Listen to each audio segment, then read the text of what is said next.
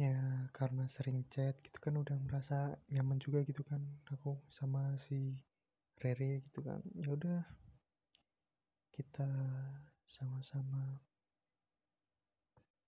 saling chat gitu dan hampir setiap hari malah kita chat mulai saat itu.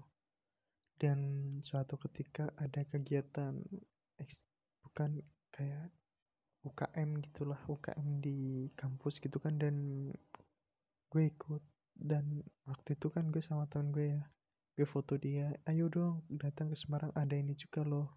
Kan karena gue iseng-iseng gitu kan gue kirim foto ke Rere.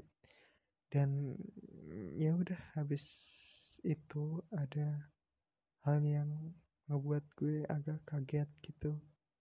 Karena dia bilang eh Surya udah punya pacar apa belum ya? Dan di situ gue bener-bener kaget